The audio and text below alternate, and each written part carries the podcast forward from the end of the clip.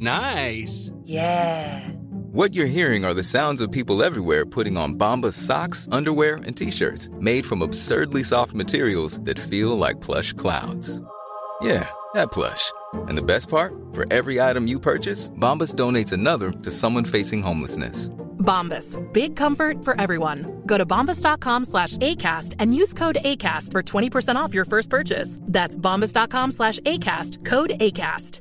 Mother's Day is around the corner. Find the perfect gift for the mom in your life with a stunning piece of jewelry from Blue Nile. From timeless pearls to dazzling gemstones, Blue Nile has something she'll adore. Need it fast? Most items can ship overnight. Plus, enjoy guaranteed free shipping and returns. Don't miss our special Mother's Day deals. Save big on the season's most beautiful trends. For a limited time, get up to 50% off by going to Blue Nile.com. That's Blue Nile.com. Er langrennsstjerna Johannes Høstflot Klæbo mer opptatt av presseetikk, uavhengighet og verdier enn mediene selv er? Og har NRK blitt for dominerende? Hvorfor skal folk betale for journalistikk på nett når de får det gratis av NRK? Eller er det egentlig gratis? Ja, det lurer vi på denne uka, Eva. Det gjør vi. Men, men eh, nå ser jo ikke lytterne oss, fordi vi driver jo podkast. Men du sitter på et ganske fasjonabelt hotellrom, kan jeg se på skjermen min? Ja da, nå er jo vi på videokonferanse vi to, da. Og så tar vi opp eh, Så nå er det hjemmekontorpodkastinnspilling. Jeg er i Trondheim. eh, Og jeg er på det fasjonable hotellet Britannia, faktisk. Nettopp. Jeg er på en liten jobbreise eh, og har kosa meg, flotta meg i går kveld eh, på middag og greier. Og sovet på hotell. Riktignok sovet dårlig. Nettopp. Så det er Men, Altså, eh, jobbreise er å flotte seg, da, i vår verden. Jeg så en liten I denne koronatiden, så. jeg så en liten snap av Kåre Konradi som sang eh, julesang i går. Det, var det en del av jobben, eller? ja, ja, det kan du si, men Snap var det ikke. Nei, det var det kanskje ikke. Du er ikke på Snap, du, nei. Hva? Nei, jeg snapper ikke, vet du. Jeg sender sånne gode gamle Du fikk sikkert den, eh, den filmsnutten på SMS. Var det jeg gjorde. God gammel SM... et- Hvis det ikke var vedlegg i e-posten. eh, Skal vi se. Ja, men det var bra. Det er fint at du, eh, at du koser deg der. ja. Men du, eh, vi må likevel ta en runde rundt bordet. Nå er jo det et veldig langt bord, da. Ca. 50 mil langt. ja, altså, men bordet mitt vi her starter i sånn Trondheim. skrivebord sånn som man får på hotellrommet, du. Ja da, jeg prøvde Så- bare å si at det er 50 Ja, mil mellom Oslo og Trondheim. det, Ja, ok. Ja. Mm. Fint, det. Her er det Men, et safe, ser jeg, og inni skuffen her, og ja, men er det minibar mm. der? For det er jo Minibar er det. Ja da. Å, det er flott, da, for det er jo borte fra mange Så syns jeg blir litt kjedelig. Ok, eh, da kjører du din runde. Eh, En ting som har eh, skjedd, er at eh, eh, vår, eh, vår venn eh, Håvard Melnes, eh, redaktør i eh, fotballtidsskriftet Josemar, han dro jo ned, som vi fortalte i forrige episode, til Qatar for å fortsette eh, driver journalistikk, eh, kritisk journalistikk på fotball-VM og Ja. arrangørene og hva som foregår der nede under forberedelsene, og menneskerettigheter og fremmedarbeidere osv. Eh, og han blei jo da arrestert. Han dro jo ned omtrent da disse NRK-journalistene kom hjem etter å ha blitt arrestert, så dro han ned. Ja, stemmer. Og så gikk det ikke så veldig lang tid før han eh, ble arrestert for, å, for munnhuggeri, eh, visstnok. Så Ja, men det høres jo litt ut som Håvard, da. Ja, det er morsomt. eh, Det er morsomt. Det er veldig lett å se for seg at det kan ende der, for eh, han eh, Ja, absolutt. Men han var bare på vei ut av et hotell da han så en voksen mann som skjelte ut noen hotellansatte der hvor han bodde, antagelig, da. Bare fordi Eller mens de drev og bar kofferten hans. Og så ba han han, ba han, han å ta det Ryke og litt med ro. reise. Ja. Dette forteller han til VG. Det var rett og slett et eh, lite, lite verbalt munnhuggeri. Og så blei han henta av en politimann. Og et halvt minutt senere så satt han i en politibil, og så blei han påført håndjern og ble sittende en dag eller noe sånt i avhør. Men han har sluppet fri, da, og han får lov å beholde eh, verktøyet sitt, det journalistiske verktøyet, dvs. Si kamera, sikkert en PC, en mikrofon kanskje, den type ting. Eh, Så han har ikke blitt fratatt eh, muligheten til å gjøre jobben sin. da. Han måtte bare bli forsinka et døgns tid. Kanskje de bare henta han inn fordi det var noe som skulle skje der nede, som de ikke ville at han skulle ha muligheten til å dra og observere. Jeg vet ikke.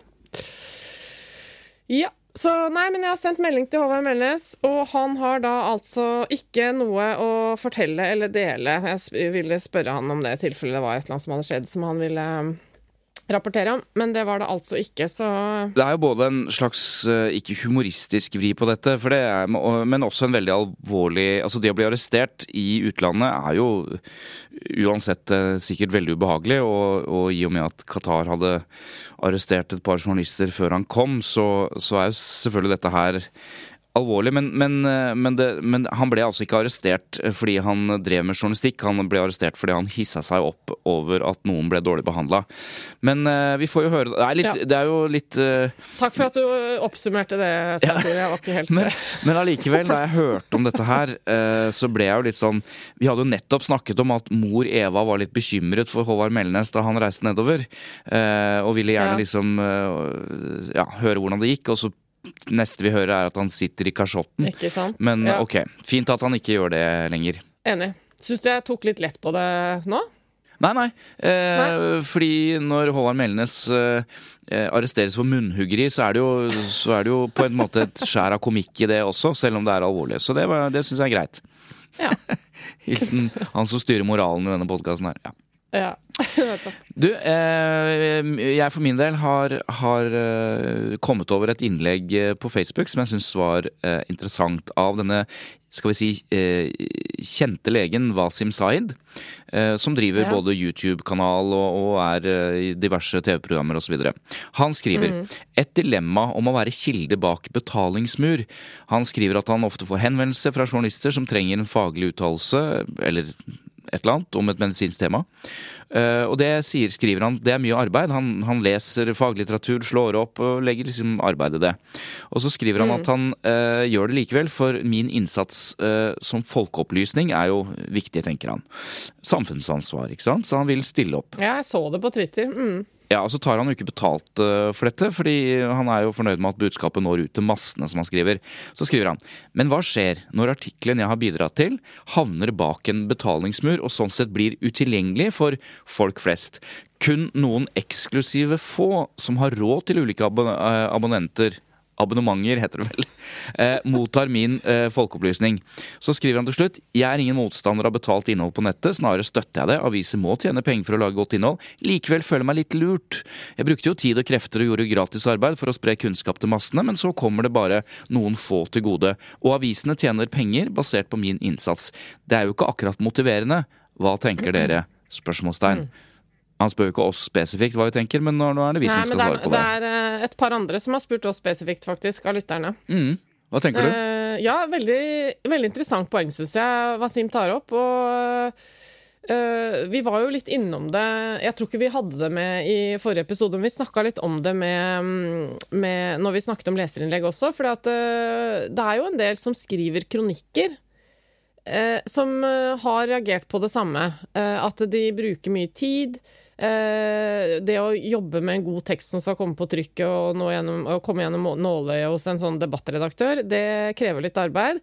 Og at de da noen ganger reagerer på at det blir lagt bak mur. For det er noen av avisene, som vi sa, som har det eh, som, som policy at noe av kommentarstoffet som kommer fra publikum, kan legges bak eh, abonnementløsningene. Da. Og det kan jeg også forstå. Ja, men skal det også sies at det er også vanlig for aviser å, å gi penger for enkelte eh, kronikker. Um, at man eh, Ikke mye, men, eh, men noe. Men, jeg, men det er likevel eh, interessant problemstilling dette at noe ikke blir tilgjengelig for alle. Og spesielt når man har lagt ned et stykke arbeid. Men eh, ja, er, det, hva, er, du, er du enig med avisen, eller er du enig med Wasim? Jeg, jeg tror ikke avisene er enige med seg selv eh, alle sammen heller. Da. De har jo litt ulik praksis på dette. Det er jo noen aviser som, eh, som aldri legger eh, den type eh, kronikkstoff eh, bak mur, mens noen andre gjør det. Blant annet eh, Vårt Land og Uh, Husker du, det var tre uh, som vi snakket om i forrige uke, som praktiserer det. Mm. Tre av de store. Husker ikke helt hvilke det Jeg husker ikke hvem, nei. Så Husker jeg husker jo ikke en uke tilbake. Jeg, nei, Sendt er glemt, som det heter. Mm, nei. Sendt er glemt. Um, nei, jeg, jeg syns faktisk det er et veldig interessant, men vanskelig spørsmål. Fordi uh, Wasim Sahid uh, har jo et e- eget poeng, og det er at han uh, ønsker å drive bred folkeopplysning. Det har han gjort i stor grad under koronaen. Han er veldig flink til å informere folk om eh, vaksine, og lager egne videoer og liksom prøver å forklare eh, si, medisinske spørsmål så folk forstår det, og det er han veldig flink til. Eh, så jeg forstår jo den greia at han blir oppringt eh, ofte, og det tar jo tid å sette seg inn i ting, sant. Det kan jeg jo bekrefte selv også, hvis noen ringer meg eller deg for å, for, å, for å, mene noe om presseetikk eller et eller annet. Nå kjenner jeg at jeg mener noe. Så tenker man liksom at det er bare å lire av seg noe. Nå kjenner jeg at jeg begynner å mene noe. Men eh, du må la meg fullføre først. oh. Er det sånn det funker? At jeg ikke kan avbryte deg? Selv om det tar litt tid. Ja. Jeg er, jeg er, litt bakpå i dag, som du sikkert hører, da, siden det var litt sen kveld med, med Kåre Konradi da, da, da, skal jeg gi deg litt ekstra tid. Men jeg ser Kåre bak der. Han, han må bare legge seg ned og sove igjen. Altså. Han trenger ikke å være med på det her. Nei, altså, nå må, nå må, du, nå må vi være tydelige på at det var spøk. Men um, så jeg skjønner poenget, eh, samtidig som eh, jeg tror at eh, man må huske på at eh, avisene Eh, mediene for så vidt alltid har tatt seg betalt. Eh, tidligere også. Eh, før internett så måtte man jo gå og kjøpe avisa hvis man skulle lese disse tingene. Eh, så sånn sett så må man jo kanskje bare være litt eh, pragmatisk og tenke at eh, OK, journalistikk må man forstå at man kan betale, eller bør betale for. Og så er det jo litt annerledes når det ikke er en journalist som har gjort jobben, men en kilde. Men det er nå en del av journalistikken uansett. Uh, så ja. Uh, ja. Det er irriterende, men jeg forstår at mediene også må ha noe å leve av. Og da innebærer det at noe må legges bak uh, abonnementsløsning, da. Altså, eh, Nå skjønner jeg hvorfor jeg driver nå kan du få lov å prate ja, men nå skjønner jeg hvorfor jeg driver og avbryter deg med, med stort hell. For hvis jeg ikke avbryter deg, så sier jo du bare det jeg hadde tenkt å si. Uh, for vi tenker Det er fordi vi tenker alltid helt likt. Ja, nettopp. Men uh, jeg skal likevel Nå si, jeg deg, jeg du skulle si. For det første, uh, ja, Wasim Zaid, veldig bra mann, gjør veldig mye bra for folkeopplysningen. og han gjør det gratis. på en annen side Uh, han, hver gang han er i VG, eller i NRK, eller i Dagbladet, eller hvor det måtte være, så får jo han uh, Hva skal jeg si eksponert seg selv. Altså hans skal vi si, kjennskapene Wasim Zaid, eh, troverdigheten hans, eh, kall det kjendisstatus, da, eh, øker jo for hver gang han er publisert i redaktørstyrte medier. og jeg sier det, for han lever jo ikke bare av å være lege, han lever av å være på TV. Uh, altså, han jobber med sånne type folkeopplysningsprogrammer. Han har sin egen YouTube-kanal. Sånn at det, det, er jo ofte en sånn, og det snakker jo vi om også, Eva, når vi gjør denne podkasten uten, uh, uten at det betaler seg, eller når vi stiller opp i mediene, så vet jo vi at hvis vi stiller opp i mediene, og noen leser det, og forutsatt at det vi sier er uh, henger på greip, så kan jo noen tenke at oi, det var, uh, var, interessant faglig, eller hva det måtte være. Og det kan igjen gjøre at vi får andre type telefoner, spørsmål osv. Så, videre. så, det, så det er jo en, det, dette er jo noe både mediene og de som stiller opp i mediene, ofte tjener på. Det er det, det er det, ene, dette med gratisarbeid.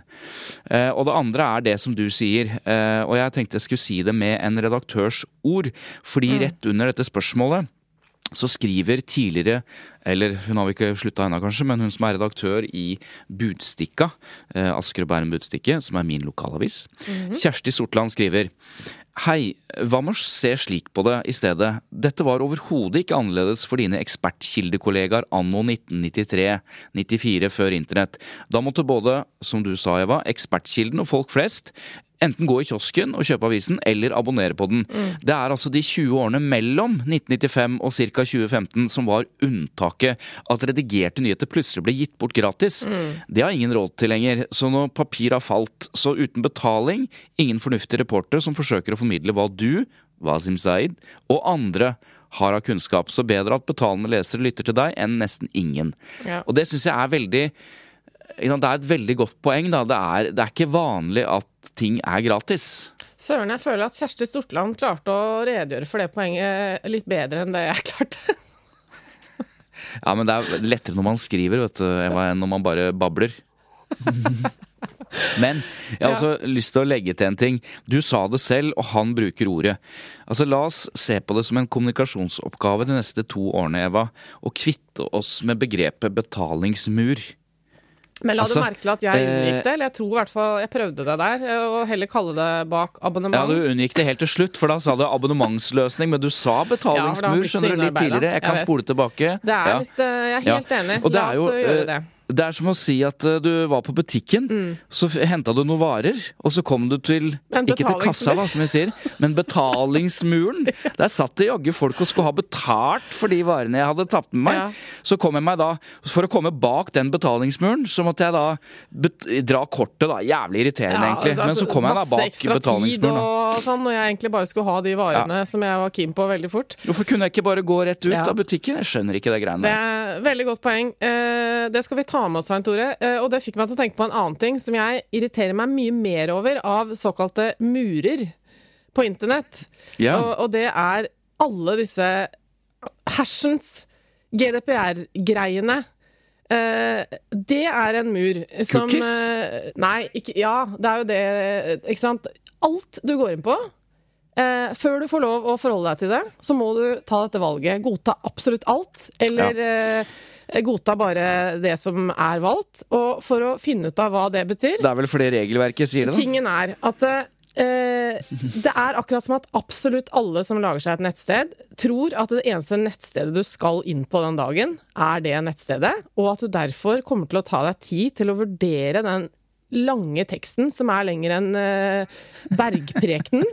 Eh, og så skal du velge masse greier, men designet er jo sånn at eh, det er litt vanskelig å forstå om den knappen står by default på av eller på så videre. Og så har du holdt på å bruke et par minutter på å scrolle opp og ned og klikke fram og tilbake for å prøve å skjønne det, helt til du utmatta trykker på godta alt, da, for fader, så jeg bare kommer til den der jævla flybilletten min, eller til den der betalingsløsningen for det produktet jeg har kjøpt, eller et eller annet. Altså, nå må verden finne en bedre løsning for dette her, det mener jeg. Jeg holder på å klikke. Jo, ok, greit. Da har du irritert deg over det. Ja, jeg skal bare si at det, det som kunne vært løsningen, var jo ikke eh, Ikke kreve at de skal ha informasjon av meg bare fordi jeg er kjapt innom for å leite etter noe. For da hadde ikke dette vært nødvendig hver eneste gang. Så det er jo fordi de vil ha mine opplysninger for å kunne mase på meg etterpå. Sant. Skjønner?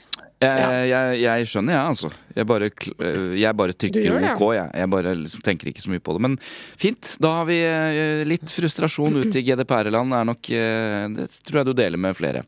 Skal vi begynne med sak, første saken, eller andre saken? Jeg tror vi skal snakke om NRK først. Ja. Altså, Det er du som eh, styrer sjappa her. Ja, ja, du er jo på nachspiel på et hotellrom i Trondheim, så jeg tar dette her, jeg, Eva.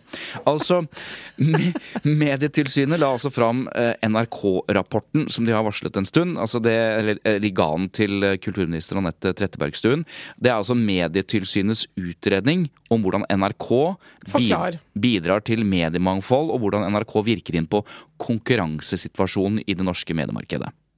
Altså Medietilsynet er jo da Hva er Medietilsynet? jo, det er jo et tilsyn eh, som har som oppgave annet å eh, sørge for at vi har et velfungerende eh, medielandskap. Altså at vi har eh, medier som gjør det de eh, skal gjøre. Eh, eksempel så eh, sørger de for at TV 2 følger allmennkringkastingsretningslinjene som de har skrevet under på. De følger med NRK, de følger med flere. Eh, og nå har de da lagd en rapport som ser på NRKs innvirkning på konkurransen med VG og Dagbladet og de andre eh, mediene, og hvordan NRK bidrar til mediemangfoldet. Og det var jo i utgangspunktet, sånn som man kunne forvente, en eneste stor jubel.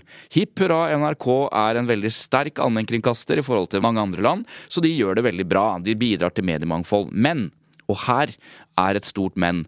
Altså Både VG, Dagbladet Aftenposten har nå vært ute etter at den rapporten ble lagt fram, og sagt at de frykter NRK-dominansen. Og da tenker de ikke på TV, men på nrk.no. For hvorfor må de da lage en nettavis sånn som alle de andre gjør, som ligner på de andre? Eh, og på NRK de slipper å stresse med brukerbetaling og betalingsmur og annonser og sånn, for de får jo milliarder av kroner over statsbudsjettet. Så her har mediene reagert. Eh, alle som en, i hvert fall de avisene jeg nevnte. Eh, jeg kan jo nevne hva, hva de sier, da. Altså, Gahr Steiro og VG mener NRK gjør det vanskelig for private medier. Han er urolig for at NRK vil nærmest eh, bære sten til byrden for VG og andre kommersielle medier, når de også skal konkurrere mer og mer med de store gigantene. For det er jo ikke bare et norsk greie her, ikke sant?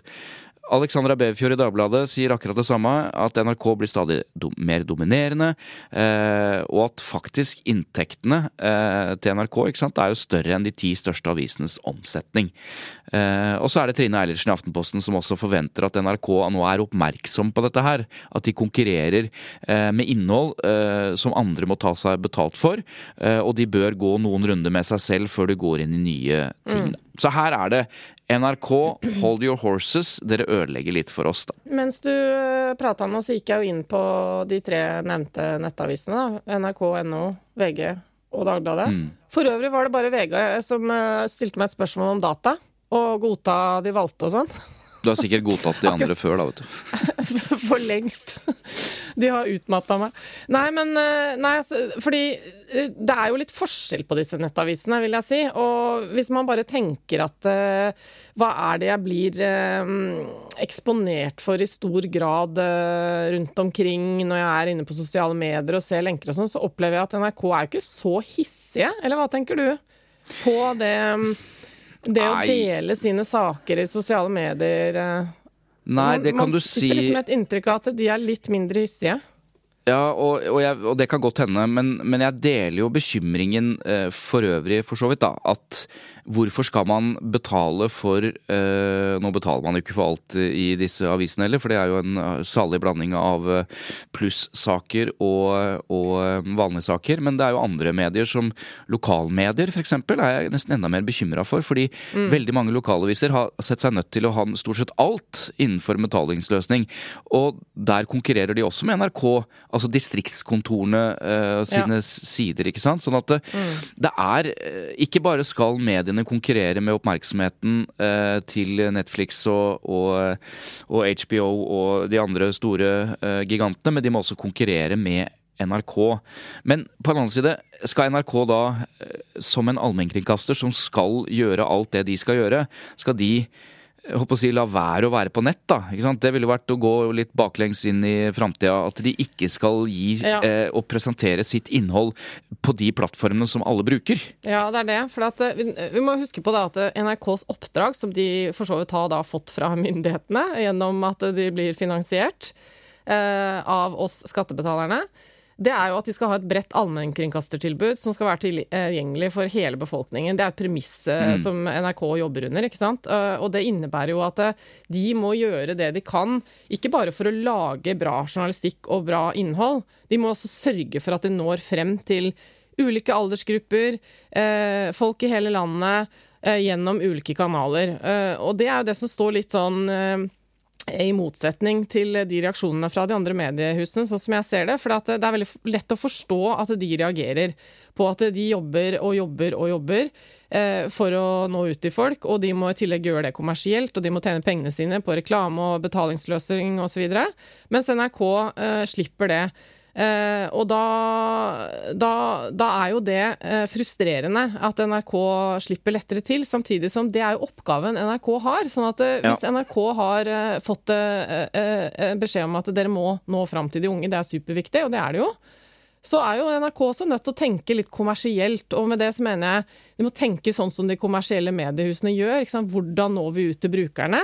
Eh, og da må jo også NRK Ja, være de på det? Snapchat og Ja, det, det, det er det som er spørsmålet Ja, her. altså Jeg skjønner at de må være på flere ø, pl plattformer, men, men jeg tenker et sted å, å starte, da. Det er å ø, ha en front på nrk.no som kanskje ikke eh, trenger å i hvert fall ha de samme mekanismene eller salgsargumentene eller måte å presentere ting på som de andre. F.eks. når NRK har en sak, så står det 'Så dyrt vil det bli å eie enebolig i 2024'. Det er en typisk sånn klikksak. Da må du klikke inn for å se hvor dyrt det blir å eie enebolig. Altså, det er et eksempel, da. Altså, det, det er litt av de samme mekanismene. Jeg tenker at vi har jo snakket om Aftenposten, som har valgt nå en helt ny frontstrategi, hvor de på sin eh, front skal være fortelle mye mer, sånn at du bare kan scrolle gjennom Aftenposten og få nærmest en oppdatering på nyhetsbildet, istedenfor å ha eh, sånne teasers eller korte overskrifter som gjør at du må inn. Og jeg tenker, det er jo noe NRK kunne valgt å gjøre. Eh, for de trenger ikke at folk klikker inn eh, for å skape nysgjerrighet, for å Ikke sant? Men det, det er det Aftenposten som velger. Så det mener jeg er et helt typisk eksempel hvor NRK kan tenke fremover. Hvordan kan vi presentere ting? Eh, Innhold som når ut i tråd med vårt allmennkringkastingsoppdrag, men som har en annen form og har en annen inngang enn de andre som må få folk til å klikke for at de skal ja, vise annonsene sine osv. Så, videre. så det, det er et, et eksempel, da. Ja, men øh, jeg vil jo si at øh, NRK.no i ganske stor grad følger den strategien som du beskrev, som Aftenposten har uttalt at det går i retning av. Så når jeg nå scroller nedover NRK.no, så står det Asker skole måtte stenge. Planlegger selv julebord med Høyre. Alle må ta hurtigtest. Uh, bilde av Erna. Nektet å gå med logo. Nå snur Klæbo Oi! Nå snur Klæbo, Svein Tore. Dæven døtte. Ja. Det som vi skal snakke om nå, at, Ja. han, at han nekter å gå med Viaplay-logoen Ja, på, det er jo saken vi skal snakke til. om. Så Så, det- ser du det nå. Ja, og så står det under Ulrikke Brandstorp gjør comeback i Maskorama. Eh, Ja, nå ble jeg litt Ja. uinteressert i Ulrikke. Brandstorp. Nå var jeg mest interessert i Johannes Klæbo. Men du vet hva? Eh, da må vi ringe La opp oss gå til Johannes Klæbo. Vi må ringe opp Skiforbundet. Ja, men gjør, uh, La oss gjøre det, men uh, la oss okay. først gjøre rede okay. for, uh, for saken, da, for de som ikke har fått det med seg. Da, da går vi sømløst over fra NRK til saken om Klæbo og konflikten med, med Skiforbundet. Ja, vi hørte jo denne uka her at den store langrennsstjerna Johannes Er det Høstflot han heter til mellomnavn? Nei, Klæbo? ikke høstflot, nei. Høst, høstflot? Glomfot? Nei, altså høst, hva heter han? høstflot. Johan, Johannes Høstflot Høstflot? Klæbo. Johannes Høstflott Klæbo. Han nekter jo å gå med logoen til Viaplay eh, på skidrakta si. Eh, hvor er det den er plassert, egentlig? Er det på låret, eller? eh, På- på låret, ja. Rett over en eller annen veltrent muskel, ja. Nekter å gå med mm, den logoen på dressen sin. Eh, når han er eh, i skirenn. eh, for, fordi at egentlig så skal han det gjennom en avtale som Skiforbundet har inngått med Viaplay som sponsor. Er Mm. det riktig så langt? Ja, det er riktig. Og de andre gutta eh, gjør jo det. Og så har han en annen logo på det samme stedet. Fordi Nei. han mener at Nei, han har ikke en annen logo. Han har bare teipet over og bare fjernet den. Jeg har sett et bilde med en annen logo, men det er samme av det. Og så eh, mener han at eh, det er problematisk at et medie som skal dekke eh, skigutta kritisk og journalistisk, og komme og intervjue ham etter skirenn hvis han har hatt en dårlig dag på jobb, og, og da skulle gjøre det uten bindinger, samtidig som den samme bedriften som disse reporterne jobber for, betaler masse penger eh, i sponsorat til ham. Det Ja. syns han er rørete. Eller for å si det riktig, eller for å si det da med eh, hans managers ord, og manageren er da faren hans, Håkon Klæbo. Han sier at Johannes ønsker ikke å gå i reklame fra noen av mediene som dekker han regelmessig redaksjonelt. Det er viktig med avstand, og når ikke Skiforbundet velger å holde en klar og definert avstand, ja, så velger Johannes å gjøre det. Ja, ikke sant? Legg merke til, ikke sant? Han forteller jo ikke bare at sønnen er veldig opptatt av dette her. Han sier i samme slengen at Skiforbundet eh, åpenbart ikke er så opptatt eh, av dette her. Det er morsomt. Det er veldig bra det spørsmålet du stilte da i innledningen. Er da Johannes Klæbo mer opptatt av presseetikk og uavhengighet og verdier enn det mediene selv er? For dette har da vært eh, ganske normal praksis eh, over lang tid, har det ikke det? Altså, det Ja. er jo en del fotballag og altså, Er det ikke sånn at eh, en lokalavis At det er helt normalt at den sponser det lokale fotballaget osv. osv.? Ja da, altså Adresseavisen sponser Rosenborg, og eh, Bergens Tidende sponser, eller har sponset eller sponser Brann. Eh, men også, eh, ikke bare lokalt, jeg mener VG har jo, var jo i mange år sponsor for hopplandslaget, ikke sant? De hadde VG på hjelmen sin, og, Ja. og det var jo tydeligvis ikke noe problem. Så, så dette, er, dette her er helt vanlig. Så det Johannes Høstfold Klæbo nå gjør, det er å reise en en egentlig veldig interessant problemstilling, men som mediene selv eh, lever eh, relativt eh, godt med, da. Mm. Men og så skal jeg bare legge inn en liten sånn klamme. Jeg tror dette må leses eh, litt i rammen av en sånn litt sånn pågående knuffing og eh, si stigende konflikt mellom Klæbo og Skiforbundet.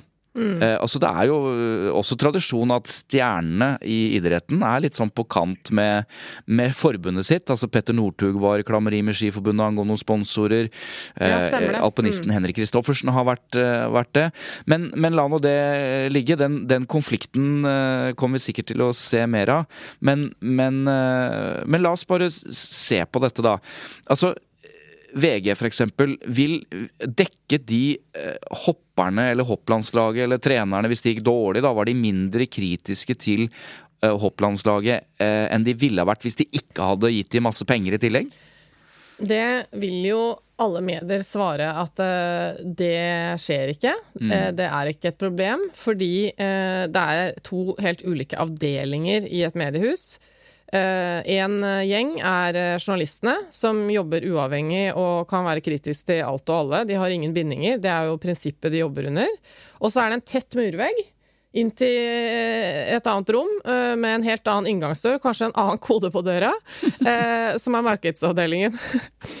Og de sitter og jobber med noe helt annet enn journalistikk. De jobber med, med markedet, ikke sant. Eh, sponsorater og reklameinntekter og helt andre avtaler og ting. Mm. Så det mediehusene eh, alltid da svarer og prøver å formidle, er at det, her er det tette skott. Og det jeg syns er interessant med den argumentasjonen, er jo at eh, det er vi bare nødt til å stole på. Ja. Og det syns jeg er et utrolig godt eksempel på hvorfor tilliten til de redaksjonelle mediene er så viktig. For dette her er en av grunnene. For jeg syns egentlig det er litt rart når jeg tenker over det, at det er ganske mange ting mediene kan gjøre eh, for å få gjort eh, sitt journalistiske oppdrag på en god måte, som vi bare er nødt til å stole på at det gjør bra. Mm. Uh, og det er tillitsbasert. Og med det, jeg mener f.eks. at det, det, er ting som journalister er nødt til å kunne gjøre. F.eks. Uh, sitere anonyme kilder når det er god grunn til å få lov til å være anonym. Og det gjør at vi må ha tillit til at de faktisk har snakket med en anonym kilde. ja, ikke. Som faktisk sier det som de skriver i avisen. Mm. For det er ingen i verden som kan kreve eh, fra avisen å se dokumentasjonen på at dette utsagnet faktisk eh, er gitt mm. til avisa. Skjønner du hva jeg mener? Ja, jeg hva du Så mener. det er veldig mye av dette her som er tillitsbasert, og det samme gjelder litt i det spørsmålet her, at uh, vi må jo bare stole på at uh, det er tette skott. Mm. For det vet vi jo ikke. Vi kan jo se for oss at uh, det kommer en fyr inn fra markedsavdelingen, banker på, inn i redaksjonen og sier Folkens, nå må vi bare dekke Viking eh, masse, for at eh, nå har vi endelig liksom naila en sponsoravtale, og da lovte jeg dem at det skal bli enda mer skriverier om fotballaget i avisa vår. Mm. Ikke sant? Men, det okay. skjer ikke, ifølge dem selv. Men jeg har, jeg har snakket med en del sportskommentatorer, faktisk, om dette, og det de også legger vekt på, og dette er ikke rent prinsipielt, men når jeg sier ja, men VG har dekket topplandslaget og Adresseavisa dekker Rosenborg. Men her er altså en forskjell. Disse mediene har jo etablerte nyhetsredaksjoner. Uh, hvor man jobber mm. journalistisk mm. hele tiden. Og så har de markedsavdeling som sponser osv. Uh, og så blir det sagt da av noen, eller de antyder at Viaplay de har jo ikke noen nyhetsredaksjon. Det vil si de har, legger opp en, en vinterredaksjon nå. Det er jo journalister og programledere osv. Men de har ikke tradisjon for den type uh, kritisk journalistikk. Og når man ikke har det, så blir det kanskje eh, Da frykter man at det, blir, at det bare skal bli sånn koseintervjuer, og at man bare prøver å skape god stemning for å skape interesse for for, for, langrenn, da, når de har kjøpt disse rettighetene osv. Jeg, jeg ser det poenget, men rent mm. prinsipielt så er det jo ikke noe forskjell på om Viaplay sponser eh, skilandslaget, eller om andre sponser andre. Og, og, da tenker jeg bare løfte inn en litt annen ting som folk skal være klar over. Altså, eh, En logo er jo synlig, så da kan man jo se det at Viaplay sponser. Da kan vi forvente at de også skal være kritiske. Mm. Altså Det er åpenhet rundt dette. Men husk på at både NRK og TV 2 og, og for så vidt Nent, da, som er denne gruppa som har Viaplay og TV3 og sånn spesielt de to første, de, jo, de, pøser jo millioner av kroner inn i Skiforbundet og andre forbund og fotballen osv. Fordi de kjøper rettigheter og, og holder på. Og der vet jeg at det er klart at når de legger inn så mye penger, så forventer de at idrettsutøverne still, kommer i NRK-studio, kommer i TV 2-studio, stiller Ja. opp, er velvillige. Det er en slags forventning som bare ligger der. Ja, i kraft av de pengene de faktisk har spytta inn. Og det er det ikke så mange som snakker om. Det er lettere å snakke om logoer og, og sånn, men husk på at det, det, det fins mange sånne typer bindinger som man kan stille spørsmål ved, eh, av god eller dårlig grunn. Men eh, det handler ikke bare om logoer, da. Så det er også et, et viktig poeng her. Men det er klart, man kan jo se for seg at det blir litt rart hvis eh, å si, Markus Henriksen eh, på Rosenborg teipet over Adresseavisen-logoen på RBK RBK-shorten sin før, før han skulle spille kamp. eh, Eller at eh, en eller annen hopper bare, bare teipet over VG-logoen. Det ville jo så det, så det Klæbo har gjort her, det er, gan- det er ganske Det er jo oppsiktsvekkende, da. Mm. Men nå har det løst seg. Ja, nei, ja, det var det. Det, det leste vi jo nettopp. Jeg- altså, jeg vil si um, Jeg vil gi han eh, Klæbo litt honnør for å ta stilling. Det syns jeg jo er kult. Ikke sant? At eh, noen bruker sin, eh, sin heltestatus eh, som idrettsutøver til å, til å faktisk mene noe. Så det vil Ja. jeg jo applaudere, for så vidt. Vent litt, Jeg bare syns kanskje ikke at denne saken er så Nei, fordi la oss snakke om det eh, litt etterpå. Hva kan motivasjonen til Klæbo være, hvis ikke det er rent etisk? Jeg har lyst til å bare putte Ja. litt ja. eh, Ja, men, men, men før det, jeg er redd for at eh, vi, vi må få tak i Skiforbundet. Så nå, Ja, nå ringer ringe, jeg Espen det Graff. ringer? Espen Graff er, er kommunikasjonssjef i, i Skiforbundet. Så Ja, han da er der, han nå. Det er jo han som vi så på skjerm tidligere, ikke sant? På NRK. Ja, han har vært programleder, Han var eh, sportsanker. Ja. Ja. Et lite øyeblikk. Hallo. Hei, Espen Graff. Dette er Svein Tore Bergestuen og for så vidt Eva Sandum fra podkasten Tut og mediekjør. Hei, hei. Hei.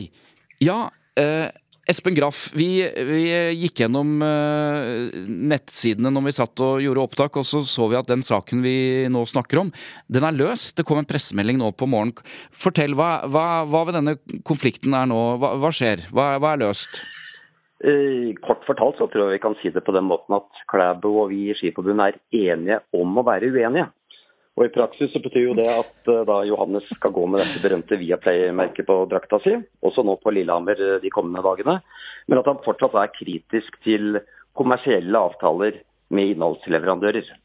Det er vel den korteste og enkleste måten å si det på. Så det prinsipielle rundt dette, er, der har ikke han endret syn. Ok, og vi har jo nå i podkasten redegjort for hans uh, syn. Dette med uh, liksom, det bør være avstand osv. Kan jeg bare spørre hvorfor dere uh, har et annet syn?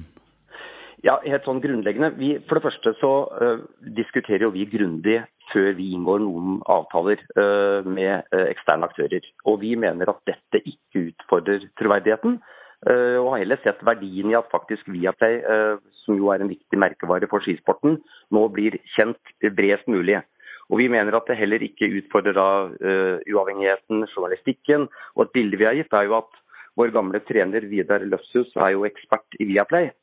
Og de som kjenner han godt og vet hvordan han uttaler seg når han mener det er grunnlag for å være kritisk, eh, eksempelvis, så tror jeg han ikke vil være veldig opptatt av det Viaplay-merket når han sitter i studio. Så vi mener at det er, det er et veldig tydelig skille som ikke er problematisk. Eva, er du fornøyd med svaret til eh, herr Graff? Jeg har veldig sansen for å være e- eh, enig om at man er uenig, så det er jo fint. Eh, Og så er spørsmålet, da har jo Klæbo blitt holdt på å si, kuet, da, eller tvunget inn i det. Han har altså fått beskjed om at han må ha den logoen selv om han egentlig ikke vil. Er det sånn det er for ham? Nei, vi, vi tvinger ingen. Vi har jo noen, en tydelighet rundt det å være forpliktelsene rundt det å være landslagsløper. Men dette var eh, en, eh, en konklusjon og noe som skjedde etter dialog gjennom de siste dagene. Eh, Og jeg tror nok det viktigste for Johannes, som jeg sa innledningsvis, er å fortsatt understreke det prinsipielle og den prinsipielle holdningen han har i denne saken. Slik at Dette var et initiativ som egentlig kom litt fra begge parter. Hvordan løser vi dette? For Vi har en avtale vi forholder oss til, og vi syns er OK. Og vi respekterer at du har et annet syn. Og Så ble dette konklusjonen. Ja, på tampen så lurer jeg egentlig på om, eh, om du kan forklare hva som ligger i en sponsoravtale når vi leser det. Betyr det at penger overføres fra en konto til en annen som de kan bruke på det de vil, eller ligger det andre krav i en sånn avtale? Hva, hva ligger i det? Veldig kort. De betaler en sum penger for å få visuell synlighet på racingdrakten til eh, løperne. Eh, de pengene går til å drifte landslaget og alle utgiftene man har med å delta i toppidretten. Kort og godt. Du, eh, vi har sikkert flere spørsmål, vi, men, men, nå har vi brukt opp den eh, tiden. Takk for at du stilte opp eh, her på jeg håper å si på direkten, er du ikke, men, men, det var jo det for deg. Så takk skal du ha, Graff. Bare hyggelig. Ha det godt. Hei. Ha det. Ja. Du, um, det var en som tok telefonen når du ringte. Absolutt. Uh, nå skal det sies at uh, Espen Graff er jo tidligere journalist og var programleder i NRK i, i, mange år, så han kjenner jo litt til denne dynamikken mellom, mellom journalister og Ja, nå er han i Skiforbundet, da. Så det var ja. bra. Det, du, skryt til, til, det. Ja? Absolutt. Uh, du, jeg kom på en ting. Uh, her forleden så nevnte du uh, å vise meg en artikkel hvor Erling Braut Haaland ikke tar så veldig tydelig stilling eh, som de andre på fotballandslaget sitt eh, når det gjelder disse ja. markeringene mot eh, Qatar og menneskerettighetsbrudd eh, der nede osv.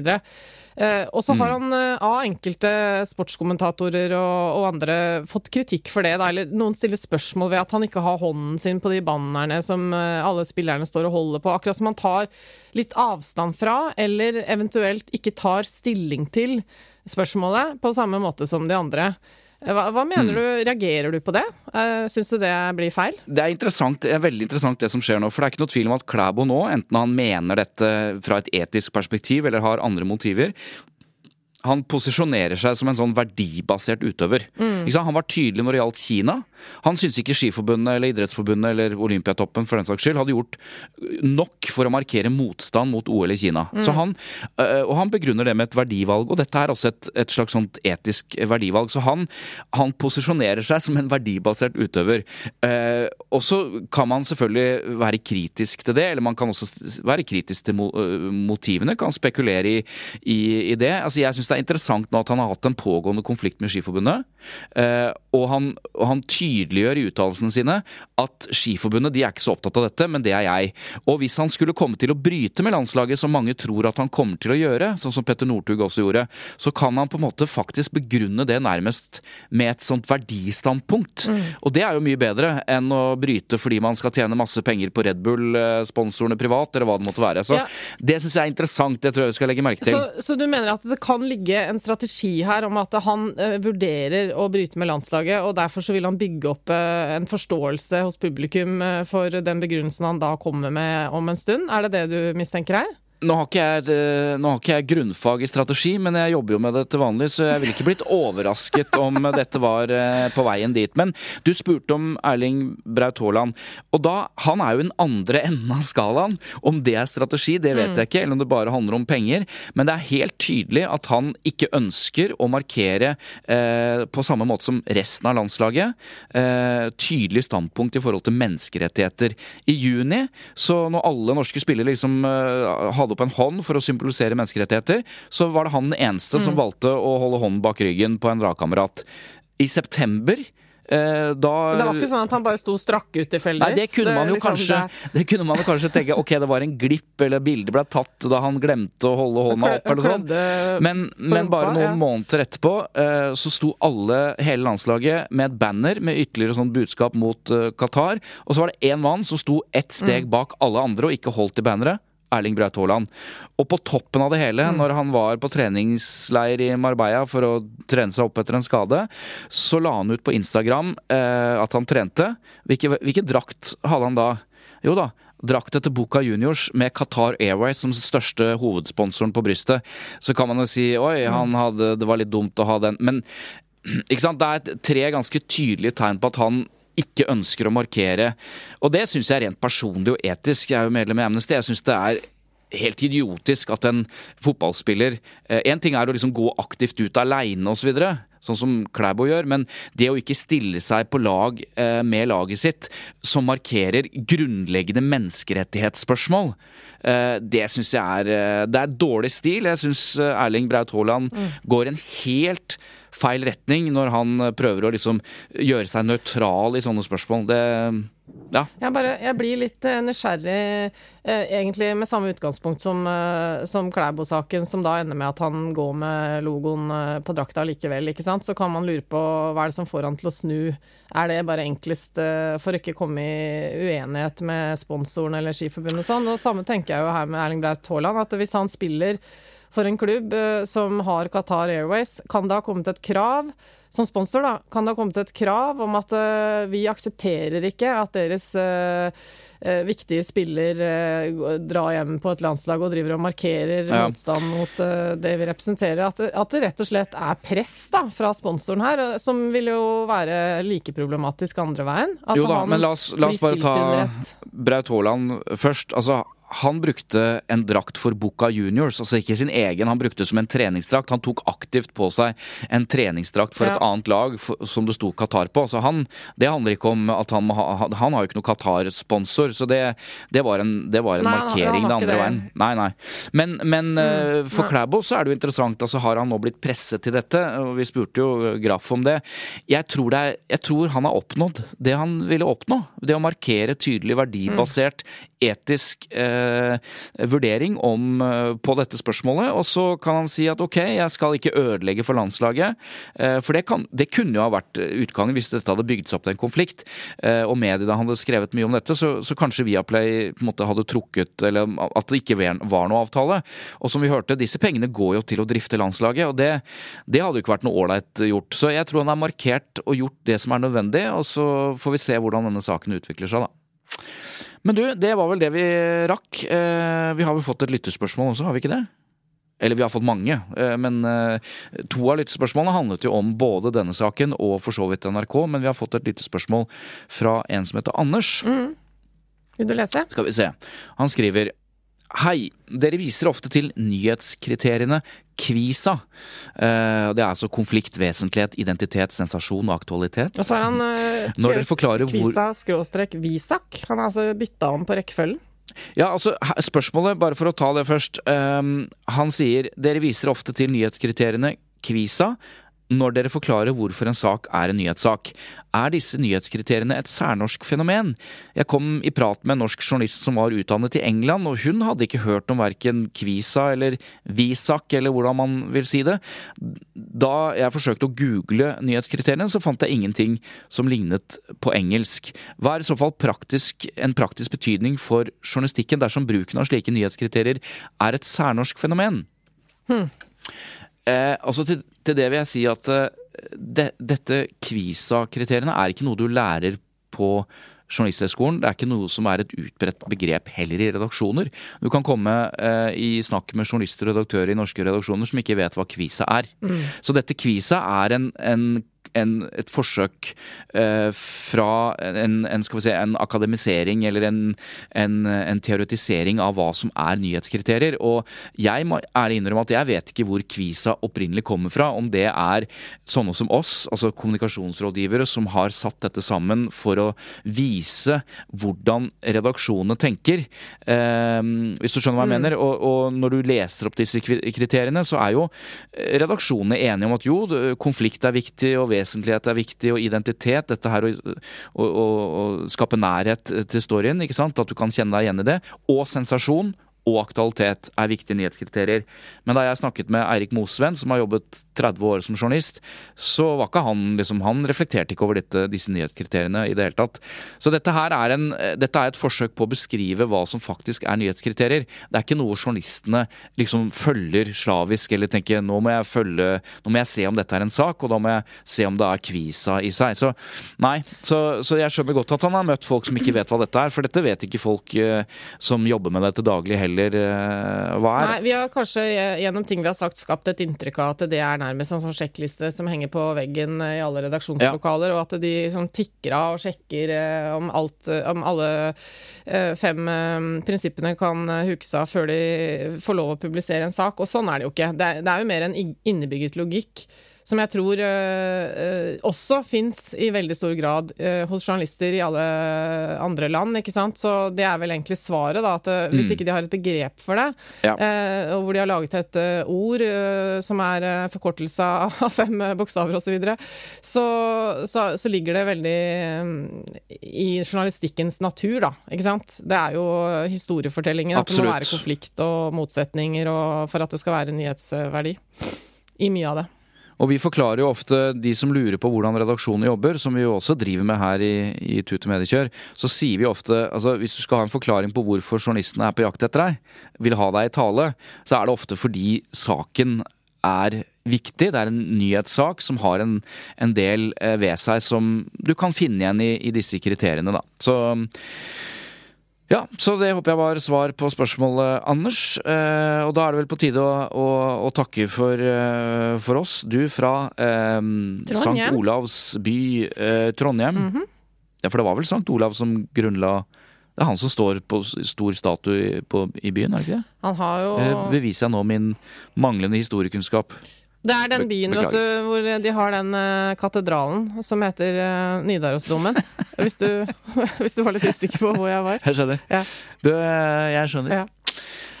Men da Og jeg takker herfra, fra, fra Kristiania, som det en gang het, og sier takk til alle som hører på. Gå gjerne inn på de stedene du hører på denne podkasten, og så gir du oss en tilbakemelding hvis du vil det. Men du, um, ja. jeg har en kunngjøring. Kunngjøring, faktisk. Det er sånn som sto i avisene i sånne spalter før. Her er, en, her er kunngjøring fra Norges Rederiforbund. Kunngjøringen er som følger. Tut og Mediekjør har bestemt seg for å avholde en live podkast eh, om et par uker. Det vil foregå i Pressens hus i Oslo eh, om eftermiddagen den 15. desember. Eh, hvor man altså kan komme til Pressens hus, kjøpe seg en øl eller en kaffe eller en cola. Sitte ned og høre på Tut og mediekjør eh, og være sammen og ha det hyggelig. Velkommen skal alle være. og for øvrig går eh, inntektene uavkortet til Nei, altså koster det noe for å komme og se oss? Det kan hende det blir en liten symbolsk billettinntekt for å dekke kostnader med arrangementet osv., men det skal ikke være sånn at dere ikke har råd til å betale strømregninga. Så dyrt blir det ikke. Da vil jeg eh, kunngjøre en annen ting. At hvis det kommer eh, tut-lyttere som ikke bor i Oslo, reisende fra skal vi sette en grense på fire mil, da, sånn som pendlerboligene, utenifra ja. og inn ens ærend for å delta på dette evenementet, så vil jeg gi en eh, pris.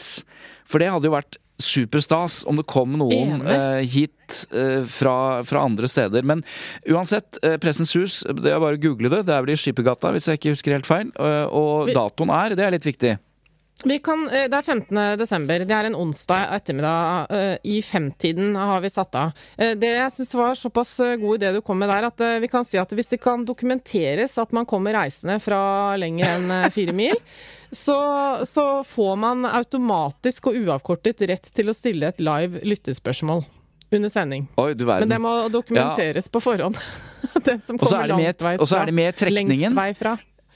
De er, de er med mm. trekningen av en uh, supernice pendlerbolig i Oslo. Nei da, nei det er det ikke. jo, okay, vi kan jo by på et eh, gjesterom. ja. Men det var vel det. Takk til uh, Lyd og Produksjoner som produserer uh, Tut og Mediekjør. Takk til Simon uh, som klipper og Atle som researcher. Og takk til deg, Eva, for at du uh, sto opp tidlig. Det hadde du antageligvis ikke tenkt til, men det gjorde Nei, du, og det, ta det jeg takker deg. Ja, takk for det. Og uh, dere får mer info om denne kunngjøringen på vår Facebook-side, som dere for øvrig også kan dele fra, sånn at flere får høre om uh, podkasten Tut og Medkjør. Takk skal dere ha, alle sammen. Ha en herlig ha uke. Ha en herlig uke. Ja, nettopp. Ja. Ha, en, en, herlig uke. Ha det der borte i Kristiania. Eh, ha det der oppe i St. Olavs Trondheim. ha det. Ha det.